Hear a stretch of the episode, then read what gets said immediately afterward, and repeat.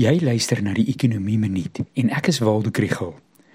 Die Reserwebank se oorsig oor die stabiliteit van die finansiële stelsel is 'n dokument wat nie veel aandag van die publiek kry nie, omdat hulle meeste van die tyd sê dit gaan goed.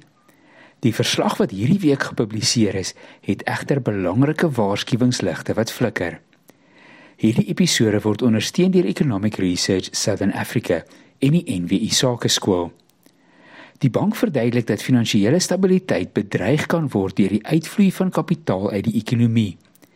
Hulle bereken dat swak ekonomiese groei vooruitsigte, spesifiek as gevolg van beerdkrag en ons insluiting op die FATF gryslys, buitelandse eienaarskap van staatseffekte oor die laaste 5 jaar laat afneem het van 42% tot 25%.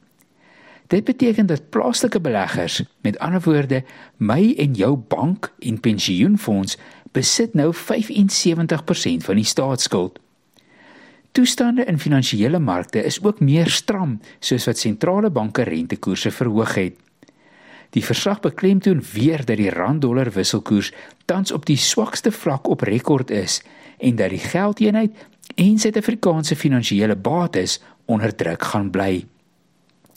Vir my was die mees kommerwekkende aspek dat 'n ernstige instelling soos die Reserwebank die moontlikheid van indirekte of sekondêre sanksies teen Suid-Afrika insluit by hulle risk and vulnerability matrix. Die verslag praat van die risiko van 'n skielike stop van kapitaalinvloei.